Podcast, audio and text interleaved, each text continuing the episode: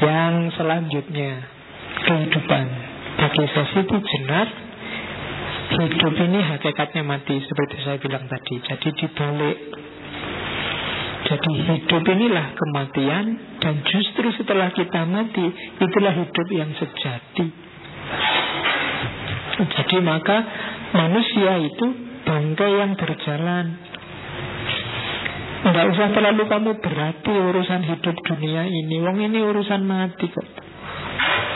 Tidak penting, kamu tidak harus galau hanya karena dunia. Tidak punya uang biasa, tidak punya pacar, apalagi. Tidak harus kalau Jadi ini dunia kematian Bukan dunia cahaya Bukan dunia kehidupan Justru ini penjara bagi kita Ruh kita terpenjara dalam fisik Sehingga terpaksa harus melayani Yang jasmaniah dulu Sebelum ketemu dengan kesejatian Maka siapa pun manusia Yang membanggakan keduniaannya di level apa pun, maka dia bodoh. Ini dunia gelap, dunia kematian. Oke, okay. dunia ini menggodamu. Jangan sampai kamu tergoda. Jadi kehidupan sejati adanya besok setelah kita mati. Ini juga yang kadang-kadang oleh para santrinya Siti Jenar dipahami secara berbeda. Terus mereka akhirnya apa? Merindukan kematian. Tidak apa-apa sih kalau sekedar ingin segera mati. Beberapa ceritanya loh ya, saya tidak tahu pasnya. Beberapa akhirnya apa? Ada yang begal, ngerampok, biar ditangkap, dipukuli orang banyak terus mati. Alhamdulillah lepas dari dunia. Wah, ini apa tuh? Cara memahaminya ya kena orang awam kan sok-sok gitu. Tenang aja berarti dunia ini kan tidak penting kan kematian. Ayo kita sakar PDW tidak apa-apa. Mati Alhamdulillah kita ketemu kesejatian. Jadi orang memahaminya jadi salah. Padahal maunya kan pasti bukan ke situ. Maunya itu karena hidup ini kematian, maka kamu jangan jatuh cinta dengan hidup sekarang dan di sini. Siap-siaplah yang serius untuk hidupmu yang sejati besok. Jadi cari bekal sebanyak-banyaknya untuk hidup yang beneran. Ini kamu belum hidup sebenarnya. Kamu nggak sadar aja. Itu kan sama kayak Ghazali yang di salah satu kitabnya tiba-tiba bilang akal itu tidak mesti lo ya. Jangan-jangan yang sekarang kamu anggap hidup tiba-tiba bukan. Buktinya apa? Mimpi. Waktu kamu mimpi itu kan seolah-olah beneran. Pagi-pagi bangun, eh cuma mimpi kemarin itu. Sopo ngerti hidup ini juga begitu. Begitu besok kamu meninggal, terus bangkit lagi. Walah ternyata yang kemarin itu enggak kayak kamu nganggap mimpi hidup ini juga jangan-jangan besok kamu merasa begitu mimpi ya ternyata Ngapain kalau mimpi kemarin begitu susahnya jungkir walik, gegeran, tawuran, cuma mimpi aja kok. Seserius itu kita. Nah itu kan Ghazali nyindirnya begitu. Jadi ya, makanya hidup ini kematian katanya saya Siti Jenar. Jangan dianggap terlalu serius. Apa pun yang terjadi, baik kenikmatan atau kesedihan. Ya, itu harusnya surga dan neraka tapi saya tidak tahu. Mungkin Indonesia KRO jadi neraka dan neraka. Ya. Itu aku loh mungkin ada hal yang tidak terlihat. Jadi kalau ada yang mendakwahkan memamerkan surga dan mengancamkan neraka, katanya Sesiti Jenal, neraka dan surga itu ya sekarang di dunia ini. Ketika kamu senang mendapat banyak nikmat, hidupmu tentram, nyaman, itulah surga. Kalau hidupmu kacau, uang tidak punya, hidup sengsara, kebutuhan nggak tercukupi, pacar nggak dapat dapat, itulah neraka. Jadi nggak usah, ya Gak usah pusing-pusing. Nunggu besok lah kalau masuk surga. Surgamu itu bisa ketemu sekarang. Nerakamu juga bisa ketemu sekarang. Kuncinya apa? Batinmu Gak ada hubungannya sama fisik Ada loh yang Gak punya apa-apa Apalagi mikir pacar buat makan aja dia Tapi batinnya tenang Itulah surga tapi ada yuk pacare wis ayu, duite oke. Kebutuhan semua terpenuhi, IP juga 4,5. Misal. Tapi sumpah terus Pengen inilah, pengen itulah nggak ada habisnya Itu neraka Kamu tersiksa Mati-matian Jadi katanya Siti Jenar Enggak Surga dan neraka itu di dunia ini bukan besok. Jadi carilah surgamu, carilah nerakamu. Nggak usah amal baik, besok kita ketemu surga. Kalau amalmu memang benar-benar baik, ikhlas lillahi ta'ala, lahir batin, kamu akan ketemu surga sekarang, nggak nunggu besok. Kalau batinmu kacau, rusak, nggak karu-karuan, galau, ya nerakanya nggak nunggu besok, sekarang. Kamu melakukan kejahatan, kamu melakukan keburukan, nerakamu akan ketemu sekarang. Rasakan sendiri akibatnya sekarang di dunia ini, tidak besok. Jadi surga dan neraka versinya saya Siti Jenar itu nggak nunggu besok. Enak dan senang yang sifatnya fisik seperti digambarkan dalam nas-nas tentang surga dan neraka itu bukan besok. Kalau di akhirat fisik nggak terlalu urgent. Dunianya sudah beda Jadi Surga neraka yang digambarkan agak vulgar di Al-Quran itu kan Isinya kenikmatan duniawi. Makan makanan Bidadari. Itu kan sebenarnya kenikmatan duniawi Yang sekarang juga bisa kita dapatkan. Kalau uangmu banyak Kamu ke hotel bintang 5 itu ya mirip-mirip gitu aja Butuh apa-apa datang. Bidadari sak kapuke kalau uangmu cukup. Kamu mau pesen berapa Gonta ganti semalam tujuh kali juga bisa. Gambarannya kan mirip kayak gitu. Maka bagi saya sih Jenar Enggak nunggu masa di akhirat kayak begitu. Itu semacam pancingan. Setiap muslim tetap rumusnya Inna lillahi wa inna ilaihi. Dari Allah menuju Allah. Untuk level tertentu memang surga dan neraka penting untuk mengarahkan hidup. Sama kayak anak kecil tadi. Biar mau sholat dikasih hadiah. Nanti kalau sholatnya lengkap bisa hafal Quran, tak kasih gini loh. Tak, itu kan untuk menarik mereka ke situ. Setelah di situ ya sudah. Dia merasakan hakikatnya, kesejatiannya, surga dan neraka nggak penting lagi. Kalau surga neraka dengan gambaran persis fisikal itu sekarang kita juga bisa merasakan, nggak usah nunggu besok. Itu tentang surga dan neraka. Oke.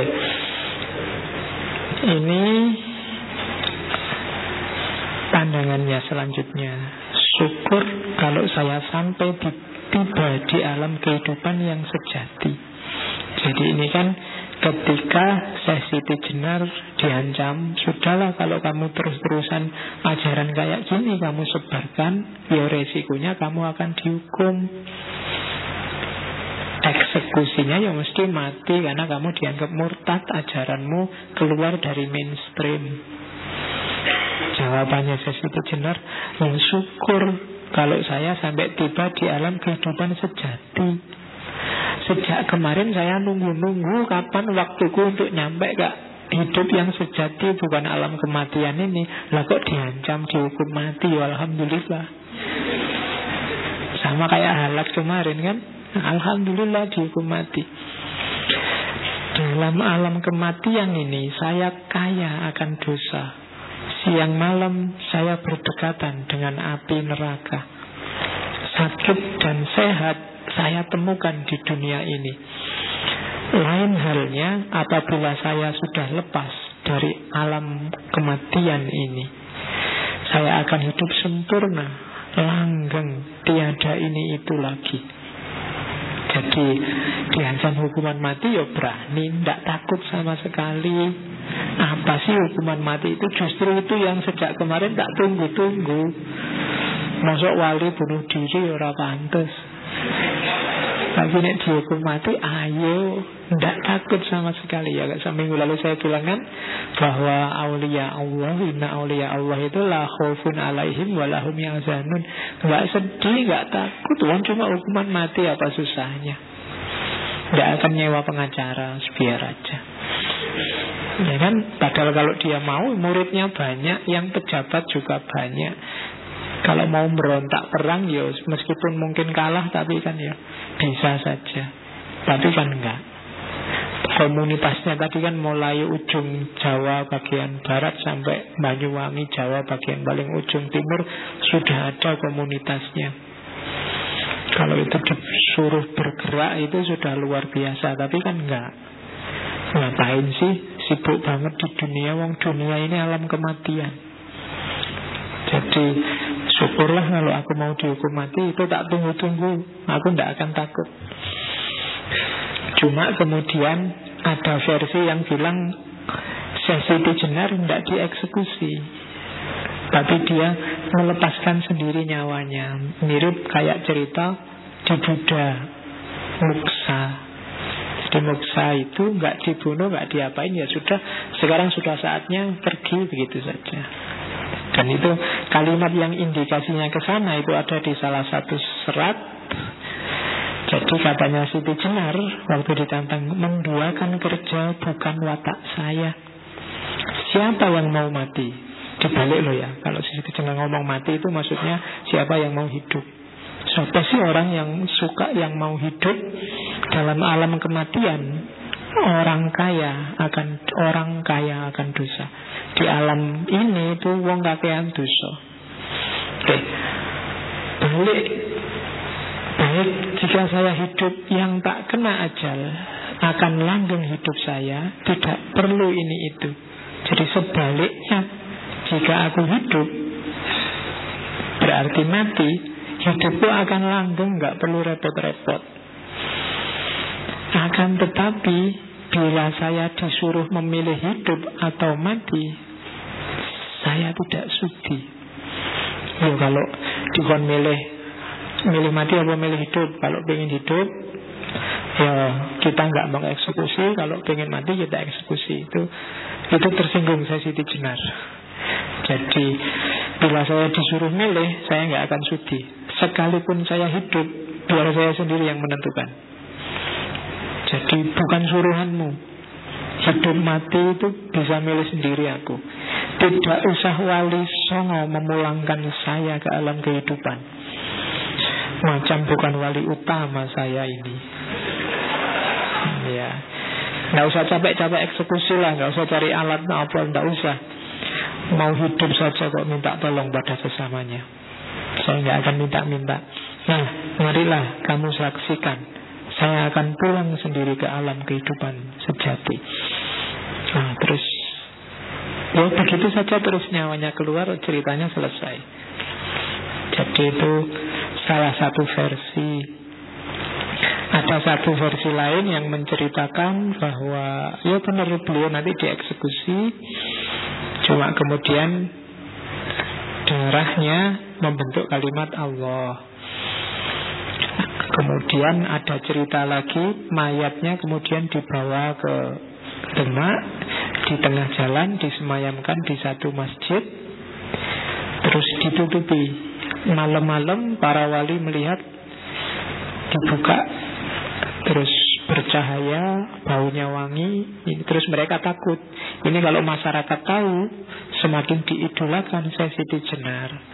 Akhirnya mayat yang bercahaya dan berbau wangi itu disuruh disingkirkan Kemudian diganti dengan anjing Jadi terus Pagi-pagi banyak orang datang terus dibilang Coba dilihat Itu perilaku orang yang sesat dan murtad Begitu dibuka Oh ternyata isinya anjing Ada juga. Jadi versinya banyak. Saya bilang tadi banyak cerita-cerita, banyak mitos-mitos. Ada sebabnya kenapa mitos-mitos itu dibikin. Tapi kalau saya, ya se pacunya para wali sono sesuai makom spiritualnya nggak mungkinlah melakukan tindakan keji semacam itu. Jadi itu cerita-cerita yang dibikin belakangan. Saya ambil satu pengetahuan, wong ini ngaji filsafat ya. Jadi tentang pengetahuan, Siti Jenar mirip kayak Ghazali. Dia tidak percaya panca indera sama akal. Jadi panca indera sama akal itu bisa menipu. Apalagi panca indera. Yang kelihatan bagus bisa jelek, yang kelihatan jelek bisa bagus. Oke, panca indera itu misalnya minum.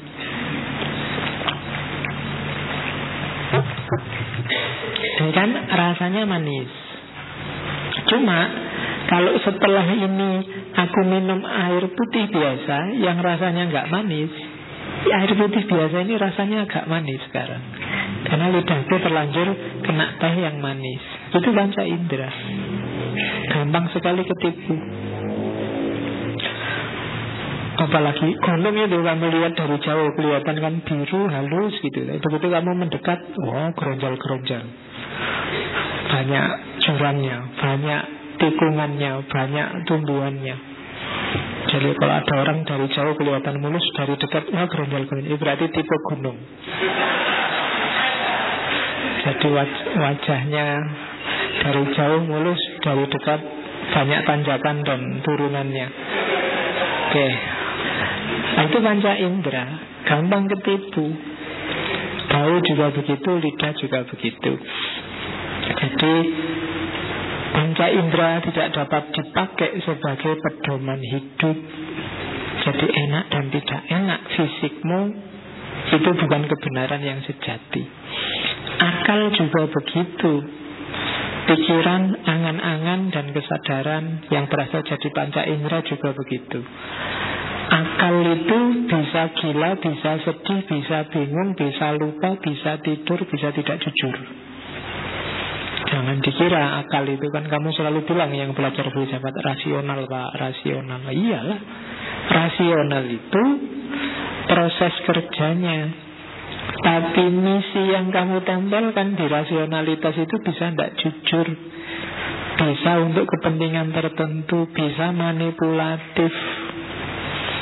Alasan rasional kan bisa aja dibikin. Misalnya kamu sama pacarmu berdua Nginep di hotel Semalam aja nggak lama-lama Nah, terus ada orang kritik Terus kamu jawabnya rasional Loh, kenapa sampean kok usil? Ini kan pacar-pacarku. Tak masuk ke hotel berdua, suka sama suka, enak sama enak. Sampean kok cerewet? Tidak ada hubungannya sama hidup sampean toh? Kalau seandainya ada resikonya apa, resiko jelek apa, kan kita siap nanggung-nanggung sendiri. Sampai tidak usah usil deh. Lo itu kan rasional. Wah aku pakai narkoba ya tak pakai pakai sendiri, beli pakai uangku sendiri, mabuk mabukku sendiri, ngapain yang lain gak usil? Apa kan itu? Belum. Jadi jangan terlalu percaya sama akal. Akal bisa manipulatif. Oke.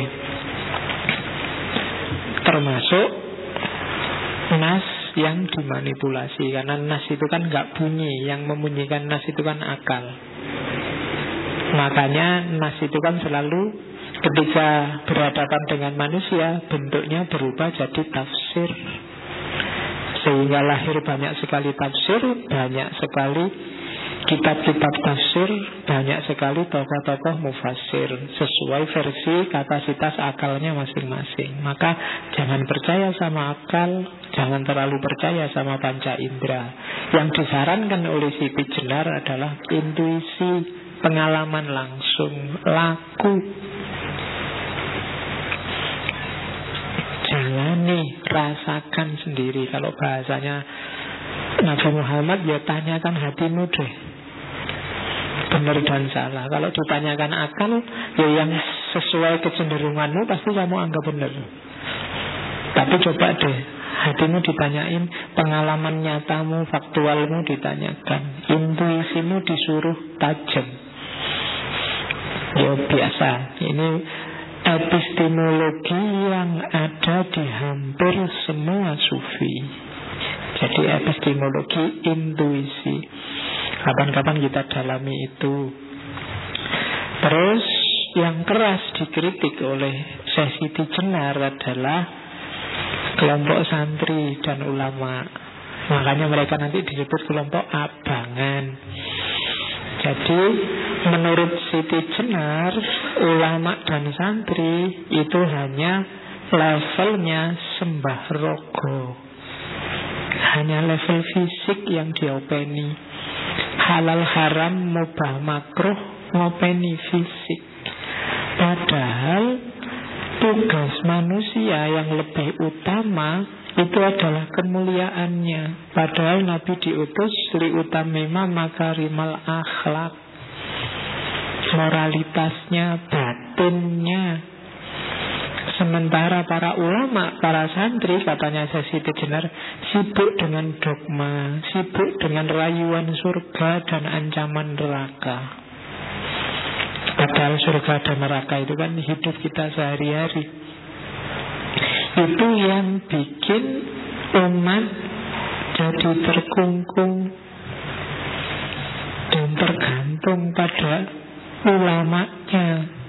Karena yang paling ngerti tentang syariat ya ulamanya.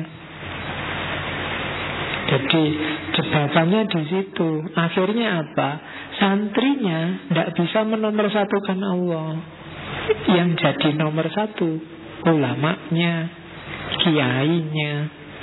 Yang diminta fatwa halal haram ulamanya, kiainya. Bahkan kamu tanya ke kiaimu Pak Yai Saya kira-kira masuk surga apa enggak? Ya kiai ini yang ditaloni.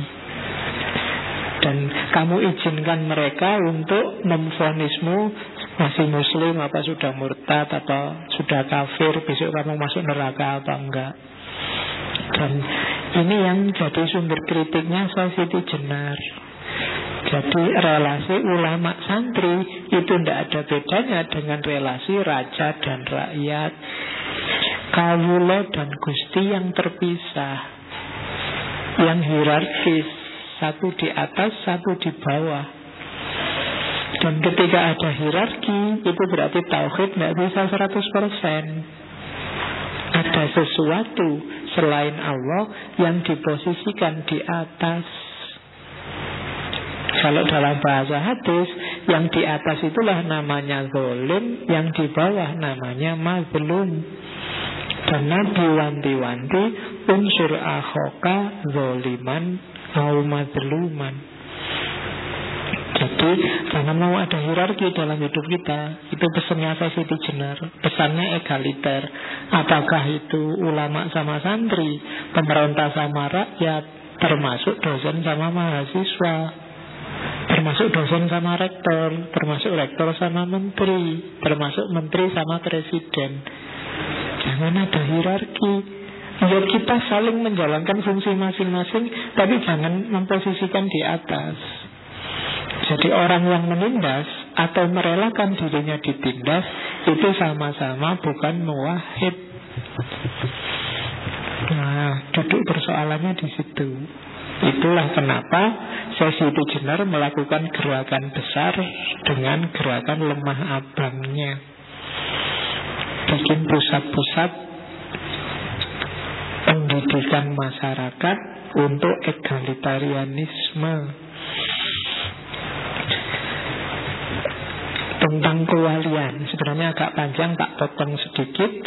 Jadi kenalilah sendiri guru-gurumu hati-hati jangan suka meremehkan orang yang ada di sekelilingmu siapa pun dia Siapa tahu dia kekasihnya Allah Para walinya Allah Jadi Tapi dia sendiri kelihatannya nggak nggak ya enggak. Memang wali yang sejati kadang malah nggak ngerti kalau dirinya wali. Malah justru blundernya adalah orang yang ngerti Apalagi ngaku dirinya wali Itu biasanya levelnya langsung merosot Wali yang sejati. Itu digambarkan malah dia tidak ngerti kalau dirinya wali. Itu untuk jaga-jaga biar tidak sombong. Nah kalian kenalilah orang-orang ini. Jangan sampai terlewatkan. Katanya Siti Jenar sebenarnya para kerasnya panjang. Tak potong sedikit. Kekasih Allah itu bawa cahaya. Jika ia berada di kejauhan kelihatan sekali terangnya namun jika cahaya itu didekatkan ke mata, mata kita akan silau dan tidak bisa melihatnya dengan jelas. Semakin dekat cahaya itu ke mata kita, maka semakin mata kita buta, tidak bisa melihatnya. Engkau bisa melihat cahaya kewalian pada diri seseorang yang jauh darimu, namun engkau tidak bisa melihat cahaya kewalian yang memancar dari diri orang-orang yang terdekat denganmu. Maka jangan meremehkan orang, jangan merendahkan orang, jangan melecehkan orang dalam bentuk apa pun. Karena selain bahwa jangan-jangan dia wali, Jangan-jangan dia dicintai Allah. Juga aktivitasmu melecehkan dan meremehkan orang Itu menunjukkan kesombongan. Menunjukkan kamu memposisikan dirimu sebagai Tuhan baru. Menunjukkan anak al-haq. Menunjukkan kamu ngaku sebagai Engkaulah yang paling benar. Dan anaknya bukan anak Allah Tapi anak yang egois karena yang menunjuk dirimu sendiri Bukan Allah. Nah, Itu arahnya sesi itu benar ke situ. Jangan sampai Makanya nasihatnya si Abdul Qadir Jailani kan gitu. Ketemu siapa pun Anggap dia lebih dekat Pada Allah dibandingkan kamu. Kalau ketemu yang lebih muda, anggaplah wah dia dosanya masih sedikit, dosaku lebih banyak, mesti aku lebih tua. Kalau ketemu yang lebih tua, anggap bahwa orang tua ini mesti ibadahnya lebih banyak dibandingkan aku yang masih muda. Ketemu orang bodoh, sementara kamu merasa pintar, anggaplah yang bodoh itu kalau dia berdosa karena dia nggak tahu yang dia bodoh. Jadi itu dimaafkan, orang nggak tahu kan dimaafkan. Tapi Sementara kamu yang pintar, kamu melakukan dosa padahal kamu tahu. Jadi dia levelnya lebih tinggi darimu, yang bodoh itu. Kalau kamu ketemu orang pintar, ya lebih gampang. Yang pintar itu pasti ilmunya lebih banyak, amalnya lebih banyak. Sementara kamu yang bodoh, ilmumu sedikit, amalmu lebih sedikit. Jadi cara mengambil sudut pandangnya selalu di bawah. Jangan ngambil yang di atas, nanti lahirnya sombong. Itu ajarannya Syekh Abdul Qadir Jailani. Kapan-kapan kita bedah beliau. Oke Terus Terakhir. Oh, Masih ada lagi Jadi ini politiknya. Kemarin juga yang ala-ala kita lihat politiknya. Jadi Syekh Jenar Itu sebenarnya Tadi sudah saya singgung Sedang mendobrak Logika raja dan rakyat, kawulo dan gusti. Zaman Demak ini masyarakat masih menganggap bahwa yang namanya raja itu adalah titisannya dewa. Ajaran ini namanya Bhagavatisme.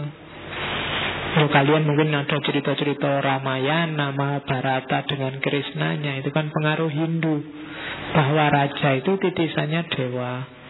Karena dia titisannya dewa, maka dia posisinya mirip Tuhan.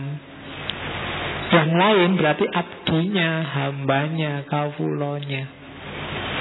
Nah, sesi jenar muncul dengan gerakan sosialnya untuk memberantas pandangan ini. Jadi tidak raja juga manusia biasa kok.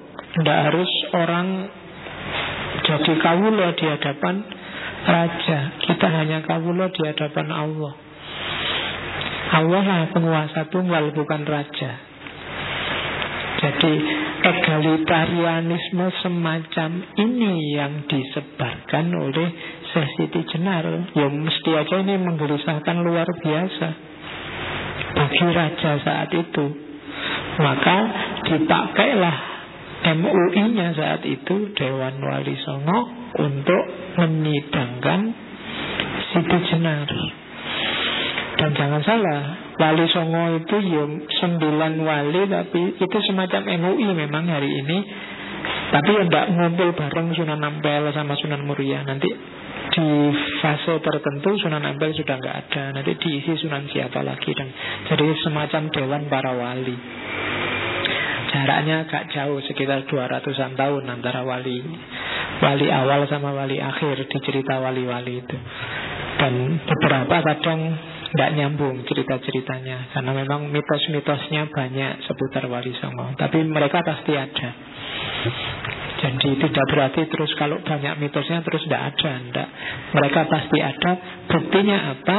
Jawa yang hampir 100% Islam Itu kan Islam itu masuk ke Indonesia sekitar abad ke-7 Tapi sampai sekitar abad ke-12 Jumlah umat Islam tidak ada 10 persennya. Nanti sekitar abad 12 itu baru datang para wali ini.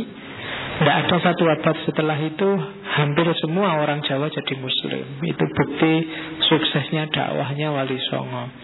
Ya meskipun intrik-intrik politik kecil pasti terjadi Jadi sesi itu benar ini masuk di kritik pada kerajaan. Jadi maka ya tidak heran terus dia di benci oleh raja. Dipanggil menghadap pun dia tidak mau. Karena bagi dia Yang bisa manggil aku ya hanya Allah. Yang aku sendiri nih ya Allah yang malah dipanggil Gimana? Nah itu yang ada di Syekh Siti Jenar Maka dia terus dianggap makar. Akhirnya dia tidak dipanggil Tapi didatangkan ke sana para wali. Sampai kemudian Sunan Bonang yang datang langsung menjemput. Dan nama Syekh Siti Jenar mulai populer ketika Sunan Bonang memperkenalkan beliau ini loh Syekh Siti Jenar Nama Siti Jenar diperkenalkan di depan para wali. Meskipun di sidang pertama itu sebenarnya nggak langsung dieksekusi Dikasih masukan Cobalah nggak usah gitu lagi Kasihan masyarakat yang masih awam dan seterusnya Itu masih ada jangka waktu setahun sebelum dieksekusi. Di jangka waktu setahun ini Sunan Kalijogo yang disuruh ngawasi. Nanti mungkin ada yang pernah lihat filmnya Sesi Tijinan Sunan Kalijogo Meskipun dramatisasinya banyak Tapi ilmunya sebenarnya agak mirip Sunan Kalijogo sama Siti Jenar ini. Meskipun kemasannya agak berbeda. Sunan Kalijogo lebih halus Pakai media budaya. Sementara sesi jenar agak frontal. Itu yang bikin banyak awam salah paham. Tapi kandungan ajarannya kalau diteliti sebenarnya nggak jauh. Dan setahun itu terjadi banyak diskusi Banyak adu pendapat antara Siti Jenar sama Sunan Kalijogo Oke, terus ini terakhir Kenapa kemudian banyak sekali mitos-mitos yang jelek-jelek justru muncul ke permukaan. Ada analisis lain bahwa cerita Sunan Kalijogo ini yang yang jaraknya 200-300 tahun setelah cerita itu kok jadi banyak mitos itu ada analisis bahwa cerita ini cerita Sesiti Jenar yang dieksekusi itu dipakai oleh Sultan Agung untuk membangkitkan moral pasukannya. Jadi kan sesi Jenar itu terahnya jadi murid-murid besarnya yang tadi Ki Ageng Pengging sampai Joko Tingkir dan keturunannya itu kan nanti dilanjutkan di Mataram Islam yang sekarang jadi Jogja dan Solo itu. Nah, Jawanya kan zaman Sultan Agung. Nah, zaman Sultan Agung untuk menyebarkan kekuasaan itu kan menyerang daerah-daerah Surabaya, Pasuruan itu kan diserang untuk ditaklukkan. Sebagian besar daerah-daerah ini adalah miliknya para wali. Giri, Tuban, dan lain-lain itu kan daerah-daerahnya para wali. Para jurid ini kan muslim juga semua. Cuma ya agak gimana kalau harus bertarung sama saudaranya sesama muslim. Apalagi tempatnya para wali. Nah untuk membangkitkan semangat biar mau bertarung ini cerita-cerita mitos tentang Sunan apa tentang sesi jenar yang dieksekusi, yang diganti anjing dan macam-macam diangkat. Dengan cerita ini, ini pasukan Mataram yang pedalaman ini kan agak panas ini. Wah, Sunan gue diginiin. Ini guru-guru gue diginiin. Kurang ajar wali-wali itu memang. Nah, semangat bertarungnya bangkit. Maka mereka siap untuk tarung meluaskan wilayah jajahannya Mataram saat itu. Jadi ada ada analisis semacam itu dan itu ya masuk masuk akal saja. Karena politik itu kan memang caranya selalu begitu. Ya kayak gimana Orde Baru memanfaatkan mitos PKI, gimana zaman Soekarno memanfaatkan mitos revolusi dan yang sejenisnya, gimana zaman reformasi memanfaatkan mitos demokrasi dan yang jadi macam-macam mitosnya banyak. Jadi kadang-kadang yang masuk ke memori masyarakat itu yang mitos-mitos, bukan yang ajarannya. Maka yang ada di kepalamu sensitif jenar itu kan kebanyakan cerita-cerita mitosnya Mulai dari cacing lah Mulai dari dibunuh diganti anjing lah Mulai yang itu Sementara ajaran-ajaran bagus tadi Tidak muncul Sehingga orang cepat menganggap bahwa dia sesat Alirannya al-halaj Ngaku Tuhan titik. Nah itu yang terjadi di kita selama ini. Jadi yang jelas ceritanya Kak mirip dengan Al-Halaj. Beliau dieksekusi Entah kemudian memilih kematiannya sendiri Kayak di bukunya Pak Munir itu Atau dieksekusi Atau mungkin ada jalan lain Tapi yang jelas dia harus berkorban Demi ilmunya Demi ajarannya. Sama kayak Al-Halaj Sama kayak Socrates. Termasuk demi besok Hipatia Dia. Demi ajaran-ajaran neoplatoniknya Sehingga dianggap murtad. Oke, saya kira itu yang Situ Jenar Martir Sekali lagi minggu depan Kita ketemu dengan Filosof perempuan. Kurang lebihnya mohon maaf.